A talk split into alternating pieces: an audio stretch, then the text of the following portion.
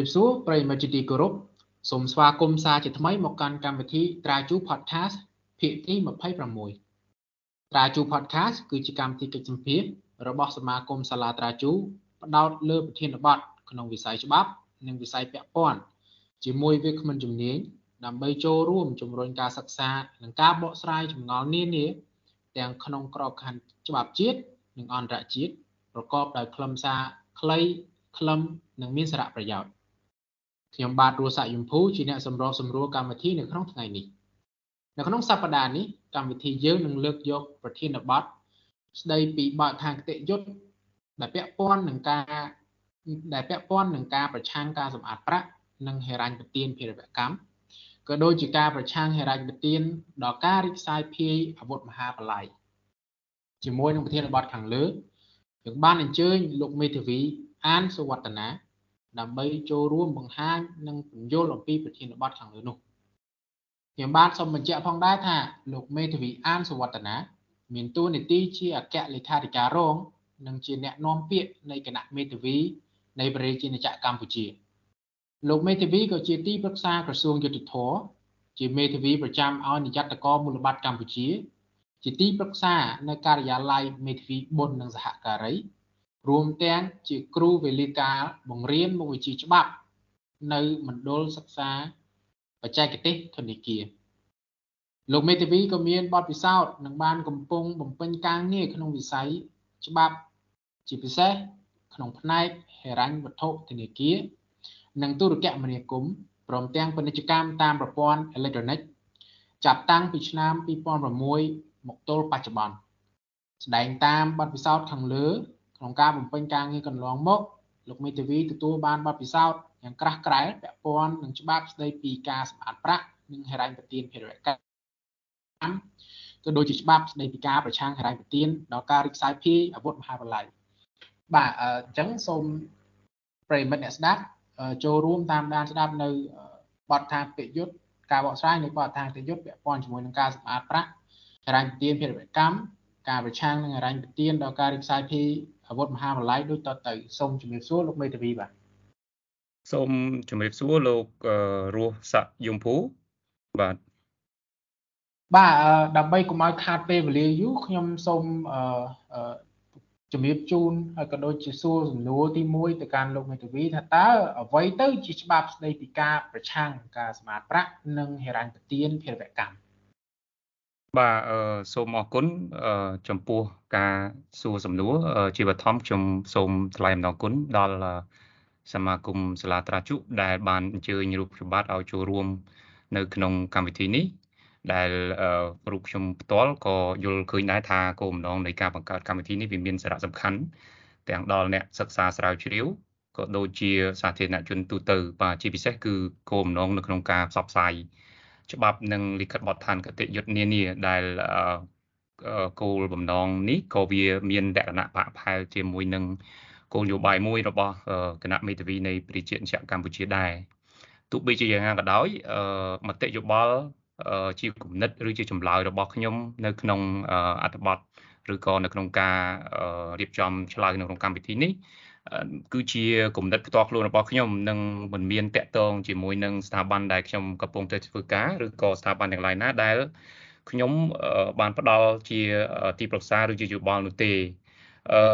កន្លងមកដូចដែលលោករស់សាក់យមភូបានបង្ហាញជូនអ្នកទាំងអស់គ្នាហើយនៅបទពិសោធន៍ការងាររបស់ខ្ញុំក៏ដូចជាទួនាទីរបស់ខ្ញុំអញ្ចឹងនេះគឺជាការចែករំលែក មួយផ្នែកដែលជាចំណេះដឹងខ្ញុំទទួលបានតាមរយៈការបំពេញការងារកន្លងមកបាទសូមអរគុណជាថ្មីម្ដងទៀតចំពោះការសួរសំណួរអឺជាបឋមមុននឹងចូលទៅដល់ការពន្យល់នៅខ្លឹមសារច្បាប់ខ្ញុំចង់ទាញការចាប់អារម្មណ៍ទៅដល់អ្នកទាំងអស់គ្នាអំពីប្រវត្តិខ្លះៗបាទនៃការកកើតយន្តការច្បាប់នេះបាទ ខ្ញុំចង់គូបញ្ជាក់ផងដែរថាយន្តការច្បាប់នេះពុំមែនជាយន្តការមួយដែលទើបនឹងកើតថ្មីថ្មីនោះទេ បាទហើយក៏វាពុំមែនជាយន្តការរបស់ប្រទេសតែកម្ពុជាមួយប៉ុណ្ណោះបាទយន្តការច្បាប់អឺស្ដីពីការប្រឆាំងការសម្អាតប្រាក់និងហិរញ្ញប្បទានភេរវកម្មអឺគឺមានប្រវត្តិយូរណាស់មកហើយដែរបាទជាពិសេសគឺនៅក្នុងអំឡុងឆ្នាំអឺទសវត្ស1900 70បាទដែលកាលពីដំបូងនោះគឺចាប់ផ្ដើមមុនគេនៅក្នុងបណ្ដាប្រទេសដែលមានសេដ្ឋកិច្ចរីចម្រើន បាទដូចជាសហរដ្ឋអាមេរិកដូចជាសហគមន៍អឺរ៉ុបជាដើមបាទជាប្រទេសដែលមានសេដ្ឋកិច្ចរីចម្រើនដែលជាជំហានដំបូងបាទការបង្កើតនៅយន្តការច្បាប់នេះគឺផ្ដោតសំខាន់តែលើ ការប្រឆាំងអំពីបាទផលដែលទទួលបានអំពីបទល្មើសជួញដូរគ្រឿងញៀននិងបទល្មើស ពាក់ព័ន្ធទៅនឹងលបែងខុសច្បាប់តែប៉ុណ្ណោះបាទក៏ប៉ុន្តែយន្តការនេះត្រូវបានអភិវឌ្ឍនិងរីកចម្រើនពីយន្តការនៅក្នុងប្រទេសមួយ ដោយបង្កើតចេញជាស្ថាប័នអន្តររដ្ឋាភិបាល ហើយក៏បានរុញច្រានទៅដល់អង្គការសហប្រជាជាតិ រួមទាំងស្ថាប័នមួយចំនួនទៀតបាទដូចជាអង្គមូលនិធិអន្តរជាតិ IMF ដូចជាធនាគារពិភពលោក បាទដូចជាធនាគារអភិវឌ្ឍអាស៊ីជាដើម បាទតាមរយៈនេះកម្ពុជាក៏ជាប្រទេសនៃសមាជិកស្ថាប័នអង្គការសហប្រជាជាតិបាទហើយក៏ទទួលបាននៅទទួលបាននៅការណែនាំក៏ដូចជាបង្កើតឲ្យមានកាតព្វកិច្ចបាទជារដ្ឋសមាជិកដើម្បី បាទធានានិងបង្កើតឲ្យមានយន្តការច្បាប់នេះកើតមានឡើងបាទអឺបាទខ្ញុំចង់ធ្វើការទាញការចាប់អារម្មណ៍បន្តទៀតបាទពាក់ព័ន្ធទៅនឹងស្ថាប័នអន្តរជាតិមួយចំនួនដែលមានភារកិច្ចពាក់ព័ន្ធទៅនឹងការបង្កើតឬក៏ការផ្ដួចផ្ដើមឲ្យមានយន្តការច្បាប់នេះកើតមានឡើង បាទប្រហែលជាអ្នកទាំងអស់គ្នាធ្លាប់ ឬការប្រើពាក្យមួយចំនួន បាទដូចជា FAT បាទ FAT នេះគឺមកពីអក្សរកាត់ដែលមានន័យសំដៅទៅលើ Financial Action Task Force បាទឬក៏យើងនិយាយជាភាសាខ្មែរដែលយើងហៅថាក្រមការងារហិរញ្ញវត្ថុបាទក្រមការងារហិរញ្ញវត្ថុនេះត្រូវបានព្រួយផ្ដើមបង្កើតឡើង ក្នុងចំណោមបាទប្រទេស G7 បាទឬយើងហៅថា Group of 7នៅក្នុងកិច្ចប្រជុំមួយនៅក្នុងឆ្នាំ1989នៃទីក្រុងប៉ារីស បាទដែលបង្កើតឡើងក្នុងទម្រង់ជាអន្តររដ្ឋាភិបាលដែលមានទូនាទីត្រួតពិនិត្យលើមើលលើបញ្ហា និងផ្ដល់អនុសាសន៍ប្រឆាំងការសម្អាតប្រាក់និងហិរញ្ញធានភេរវកម្មបាទរហូតមកដល់ឆ្នាំ2001ក្រមការងារហិរញ្ញវត្ថុនេះ បានរៀបចំចងក្រង បង្កើតបាននៅអនុសាសន៍លើកដំបូងគឺចាប់ផ្ដើមពីចំនួន8ប៉ុន្តែរហូតមកដល់ពេលបច្ចុប្បន្ននេះអនុសាសន៍ ពាក់ព័ន្ធទៅនឹងវិធានការនានាដើម្បីប្រយុទ្ធប្រឆាំងនឹងការសម្អាតប្រាក់និងរ៉ែវិធានពារវកម្មនេះបានកើនឡើងរហូតដល់ដល់40បាទហើយចំពោះសមាជិកនៃក្រមការងាររ៉ែវត្ថុនេះផងដែរក៏មានការកើនឡើងពី16ប្រទេសរហូតមកដល់39ប្រទេសនាពេលបច្ចុប្បន្នផងដែរបាទមួយទៀតគឺបាទអ្នកទាំងអស់គ្នាក៏ប្រហែលជាបានធ្លាប់ឮដែរដែលយើងហៅថាក្រុមប្រទេសអាស៊ីប៉ាស៊ីហ្វិកបាទឬក៏ Asia Pacific Group បាទក្រុមប្រទេសអាស៊ីប៉ាស៊ីហ្វិកនេះវាមានលក្ខណៈប្រហាក់ប្រហែលជាមួយនឹងក្រុមការងារហិរញ្ញវត្ថុដែរក៏ប៉ុន្តែវាជាលក្ខណៈថ្នាក់តំបន់បាទ APG ក្រុមប្រទេសអាស៊ីប៉ាស៊ីហ្វិកនេះត្រូវបានបង្កើតឡើងនៅឆ្នាំ1997នាទីក្រុងបាងកកបាទដែលមានប្រទេសចំនួន13បាទហើយបច្ចុប្បន្ននេះចំនួនប្រទេសសមាជិកត្រូវបានកើនឡើងរហូតដល់ទៅ41ប្រទេសខ្ញុំសូមគូបញ្ជាក់ផងដែរថាប្រទេសកម្ពុជាយើង បានคล้ายទៅជាសមាជិកនៃក្រមប្រទេសអាស៊ីប៉ាស៊ីហ្វិកនេះនៅខែមិថុនាឆ្នាំ2004បាទគោលបំណងនៃការបង្កើតក្រមប្រទេសអាស៊ីប៉ាស៊ីហ្វិកនេះគឺវាមានលក្ខណៈភ្ជាប់ទំនាក់ទំនងទៅនឹងក្រមការងារហិរញ្ញវត្ថុដោយដែលខ្ញុំជំរាបជូនខាងលើបាទនេះគឺចំពោះស្ថាប័នកម្រិតអន្តរជាតិទាំងពីរដែលទទួលបន្ទុកបាទសម្របសម្រួលនិងអឺជួយដល់ក្រមប្រទេសសមាជិកក្នុងការរៀបចំ ក្របខ័ណ្ឌកតិយុត្តពាក់ព័ន្ធទៅនឹងការប្រឆាំងការសម្អាតប្រាក់និងរ៉ាំធានភារវកម្មបាទអញ្ចឹងតាមរយៈការដែលចូលជាសមាជិកនេះប្រទេសកម្ពុជាយើងបន្ទាប់ពីចូលជាសមាជិកនៅក្នុងឆ្នាំ2004បាទយើងបានរៀបចំបាទចងក្រងបង្កើតនៅច្បាប់មួយដែលយើងបានស្គាល់ទាំងអស់គ្នាថាច្បាប់ស្ដីពីការប្រឆាំងសម្អាតការសម្អាតប្រាក់និងហិរញ្ញវិធានភារវកម្មដែលមានលើដំបូង នៅក្នុងព្រះរាជាណាចក្រកម្ពុជាយើង នៅក្នុងឆ្នាំ2007បាទប៉ុន្តែតាមរយៈការវិវត្តទៅនៃសង្គមនិងសេដ្ឋកិច្ចអឺដូចជាក៏ដូចជាតាមរយៈការសិក្សាស្រាវជ្រាវរបស់ប្រទេសអឺក្រមអាស៊ីប៉ាស៊ីហ្វិកនិងក្រមការងាររ៉ែមតុប្រទេសកម្ពុជាយើងត្រូវបានទទួលការផ្ដល់អនុសាសន៍ឲ្យរៀបចំបង្កើតនៅច្បាប់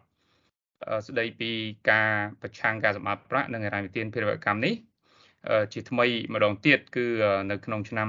2020បាទអញ្ចឹងចំពោះច្បាប់នេះគឺយើងបាទប្រទេសកម្ពុជាយើងគឺមានយូរមកហើយមិនមែនជាច្បាប់ថ្មីនោះទេក៏ប៉ុន្តែបាទយើងធ្វើបច្ចុប្បន្នកម្មដើម្បីបំពេញនៅចំណុចដែលខ្វះខាតកន្លងមកបាទគោលបំណង សំខាន់នៃច្បាប់ស្តីពីការប្រឆាំងការសម្អាតប្រាក់នេះខ្ញុំចង់គូបញ្ជាក់ផងដែរគឺដើម្បីធានា ការប្រឆាំងការសម្អាតប្រាក់និងហិរញ្ញវិធានភារកម្មដោយកំណត់អំពីវិធានការត្រួតពិនិត្យអឺបង្ការទប់ស្កាត់បង្ក្រាបព្រមទាំងលុបបំបាត់ការសម្អាតប្រាក់និងហិរញ្ញវិធានផងដែរបាទអញ្ចឹងតាមរយៈចំណងជើងនៃច្បាប់ បាទប្រហែលជាសាធារណជនអាចនឹងងាយមានការភ័ន្តច្រឡំបាទដោយសារតែពាក្យថាការសម្អាតប្រាក់អញ្ចឹងខ្ញុំធ្វើការបញ្យលបន្ថែមដើម្បីបញ្ជានៅការភ័ន្តច្រឡំចំពោះថាការសម្អាតប្រាក់ហ្នឹងប្រហែលជាអាចជាការយកលុយទៅលាង ការយកលុយទៅបោកការយកលុយទៅលាបពណ៌ឬក៏យ៉ាងណានោះបាទអឺក្នុងទស្សនវិជ្ជាច្បាប់ពុំមែនសំដៅទៅលើនៃបែបនោះទេបាទអឺគោលបំណងនៃ ឬក៏និយមន័យនៃការសម្អាតប្រាក់នេះគឺសំខាន់ជារួម គឺផ្ដោតសំខាន់ទៅលើ ការទប់ស្កាត់នៅការបំលែងអឺប្រាក់ឬមូលធិឬទ្រព្យសម្បត្តិទាំងឡាយណា ដែលទទួលបានមកពីបទល្មើសឬក៏សកម្មភាពមិនស្របច្បាប់ឲ្យคล้ายមកទៅជាលុយទ្រព្យសម្បត្តិឬក៏ផលប្រយោជន៍ដែល មានលក្ខណៈស្របច្បាប់វិញបាទនេះជាខ្លឹមសាររួមប៉ុន្តែតាមទស្សនវិជ្ជាច្បាប់ខ្ញុំចង់គូបញ្ជាក់បន្ថែម ថាបាទការសម្អាតប្រាក់គឺជាអ្វីបាទនៅក្នុងនិយមន័យនៃច្បាប់ស្ដីពីការប្រឆាំងការសម្អាតប្រាក់និងហិរញ្ញវិធានពាណិជ្ជកម្មគឺបានកំណត់និយមន័យថាការសម្អាតប្រាក់ទី1ក៏សំដែងសំដៅទៅលើការបំផ្លែងឬការផ្ទេរទ្រព្យសម្បត្តិដោយដឹងថាទ្រព្យសម្បត្តិនេះជាផលនៃបទល្មើសក្នុងគោលបំណងបិទបាំង ឬក្លែងប្រភពដើមមិនស្របច្បាប់នៃទ្រព្យសម្បត្តិទាំងនេះឬជួយបុគ្គលណាដែលពាក់ព័ន្ធក្នុងបទល្មើសដើម្បីបុគ្គលនោះគេចផុតពីផលវិបាកតាមផ្លូវច្បាប់នៅសកម្មភាពរបស់ខ្លួនខការបិទបាំងឬការក្លែងសភាវៈពិត ប្រភពទីតាំងសិទ្ធិចាត់ចែងចលនាឬកម្មសិទ្ធិឬសិទ្ធិលើទ្រព្យសម្បត្តិដោយដឹងថាទ្រព្យសម្បត្តិទាំងនេះបានមកពីបទល្មើស គការធ្វើលទ្ធកម្មការកាន់កាប់ឬការប្រើប្រាស់ទ្រព្យសម្បត្តិដោយដឹងថាទ្រព្យសម្បត្តិទាំងនេះបានមកពីបទល្មើសបាទចំណុចចុងក្រោយខបាទគឺការចូលរួមការប៉ុនប៉ងប្រព្រឹត្តដោយជួយនឹងជំរុញឲ្យប្រព្រឹត្តសកម្មភាពណាមួយដោយដែលបានកំណត់តាមកថាខណ្ឌទី1នៃមាត្រា3នៃច្បាប់នេះបាទនេះគឺជានិយមន័យដែលអឺច្បាប់បានកំណត់ដូច្នេះអឺដើម្បីឲ្យមានភាពច្បាស់លាស់គឺតើតើយើងទៅមើលនៅក្នុងបាទអត្ថបទច្បាប់ ពុំមែនគ្រាន់តែថាការសម្អាតប្រាក់គឺជាបាទគឺជាលុយលុយខ្មៅឲ្យខ្លាយទៅជាលុយសបាទហ្នឹងជាពាក្យសាមញ្ញទេក៏ប៉ុន្តែតាមទស្សនវិជ្ជាច្បាប់វាមានលក្ខណៈបច្ចេកទេសនិងមានលក្ខណៈបាទនីតិវិធីច្រើនបាទចំពោះចំណុចដែលសំខាន់សំខាន់បាទ3ទៀតពាក់ព័ន្ធទៅនឹងអឺច្បាប់នេះខ្ញុំសូមធ្វើការលើកយកមកបង្ហាញផងដែរបាទគឺចំណុចទី2ផលនៃបទល្មើសបាទចំពោះផលនៃបទល្មើស គឺសំដៅដល់ទ្រព្យសម្បត្តិទាំងឡាយណាដែលបានឬទទួលដោយផ្ទាល់ឬប្រយោលតាមការប្រព្រឹត្តបទល្មើសឧក្រិដ្ឋឬបទល្មើសមជ្ឈិមបាទចំពោះចំណុចទី3បាទដូចដែលអស់លោកលោកស្រីអ្នកនាងកញ្ញាបានស្ដាប់ឮមុននេះហើយពាក់ព័ន្ធទៅនឹងបាទប្រាក់តកតទៅនឹងផល បាទចំណុចបន្ទាប់នេះគឺទ្រព្យសម្បត្តិបាទអញ្ចឹងនៅក្នុងច្បាប់ក៏បានកំណត់ដែរ ដែលជាគោលបំណងសំខាន់នៅក្នុងការបង្កើតលិខិតបទថាកតេយុត្តក៏ដូចជាការកំណត់អំពីយន្តការនិងសញ្ញាណនៃកតិយុត្តនោះក៏ច្បាប់ក៏បានកំណត់អំពីនិយមន័យនៃទ្រព្យសម្បត្តិបាទទ្រព្យសម្បត្តិសំដៅដល់ទ្រព្យគ្រប់ប្រភេទអចលនទ្រព្យឬចលនទ្រព្យទ្រព្យរូបិយឬទ្រព្យអរូបិយនិងឯកសារឬឧបករណ៍កតិយុត្តដែលជាភស្តុតាងនៃកម្មសិទ្ធិឬអត្ថប្រយោជន៍នៅលើទ្រព្យនោះ ទ្រព្យសម្បត្តិរួមបញ្ចូលឧបករណ៍និងផលបានមកពីការសម្អាតប្រាក់ហិរញ្ញប្បទានភេរវកម្មនិងបទល្មើសធ្ងន់ធ្ងរផ្សេងផ្សេងទ្រព្យសម្បត្តិរួមបញ្ចូលទ្រព្យសម្បត្តិជំនួសរបស់រូបវ័ន្តបុគ្គលឬនីតិបុគ្គលដែលមានតម្លៃស្មើនឹងទ្រព្យសម្បត្តិដែលជាកម្មវត្ថុនៃការបង្កការខាត់ទុកនិងការរឹបអូសបាទនេះគឺជាចំណុចសំខាន់ទី3បាទនៃនិយមន័យបាទចំពោះចំណែក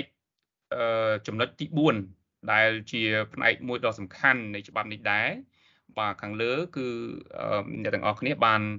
យល់ខ្លះខ្លះហើយអំពីថាអ្វីទៅការសម្អាតប្រាក់បាទអញ្ចឹង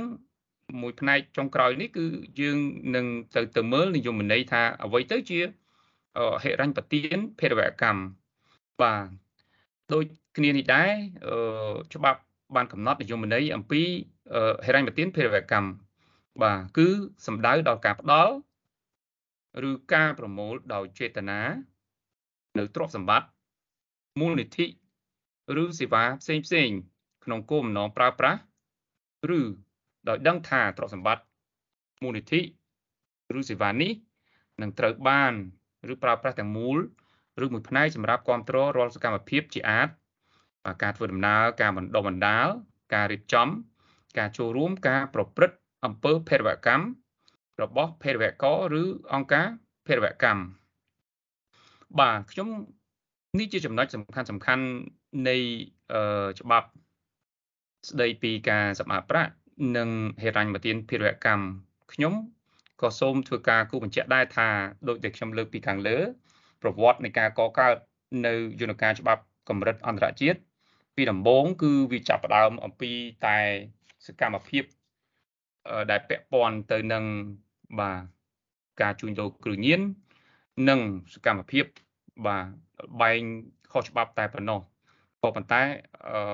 ប្រហែលជាអ្នកទាំងអស់គ្នានៅចាំនៅព្រឹត្តិការណ៍បាទថ្ងៃទី11ខែកញ្ញាឆ្នាំ2001ដែលមានការវាយប្រហារដោយភៀរវកទៅលើប្រទេសសហរដ្ឋអាមេរិកបាទបន្ទាប់ពីការកើតឡើងនៅព្រឹត្តិការណ៍សំខាន់នោះ បាទសហគមន៍អន្តរជាតិក៏ដូចជាស្ថាប័នរដ្ឋជាតិនានាបានកាន់តែបង្កើនកិច្ចខិតខំប្រឹងប្រែងក្នុងការទប់ស្កាត់ការប្រឆាំងក៏ដូចជាការលុបបំបាត់គ្រប់រូបភាពនៅការចូលរួមឬក៏ការផ្ដល់ធនធានឬការអឺផ្ដល់ជាវិភាគទានក្នុងទម្រង់ណាមួយនោះទៅដល់ក្រមភេរវកម្មឬក៏អង្គការភេរវកម្មផងដែរដើម្បីទប់ស្កាត់នៅមហន្តរាយឬក៏ការខាតបង់ ដែលអាចកើតមានឡើងតាមរយៈសកម្មភាពខុសច្បាប់ឬក៏បទល្មើសខុសច្បាប់ ដែលកើតចេញពីក្រមទាំងនោះផងដែរបាទនេះគឺជាការបញ្យល់ដោយសង្ខេបរបស់ខ្ញុំសូមអរគុណលោករស់សយមភូបាទ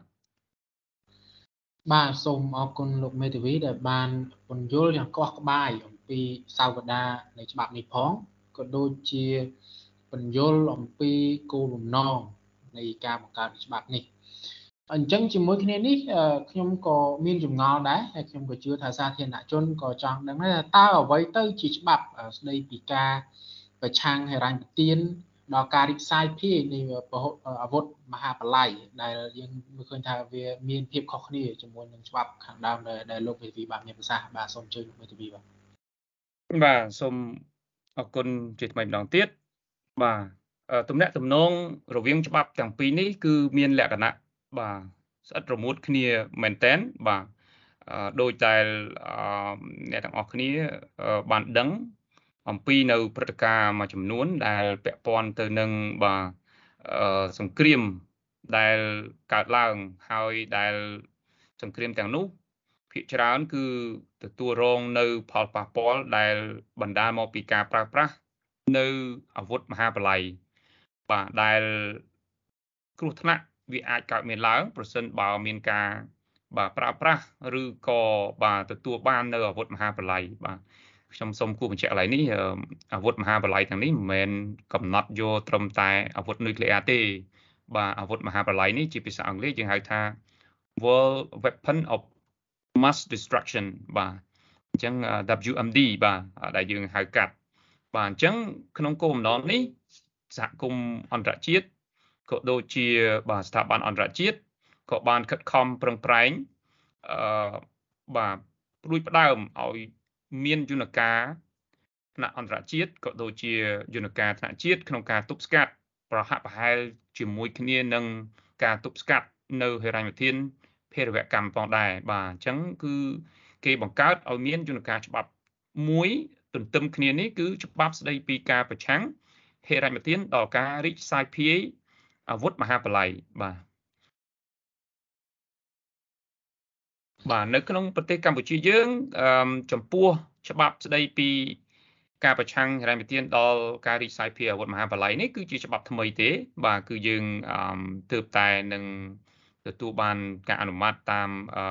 ព្រះរាជក្រមលេខនសរកម06 20 019ចុះថ្ងៃទី27 ខែមិថុនាឆ្នាំ2020បាទទន្ទឹមគ្នាជាមួយនឹងច្បាប់ស្ដីពីការប្រឆាំងការសម្អាតប្រាក់និងហិរញ្ញប្បទានភេរវកម្មបាទ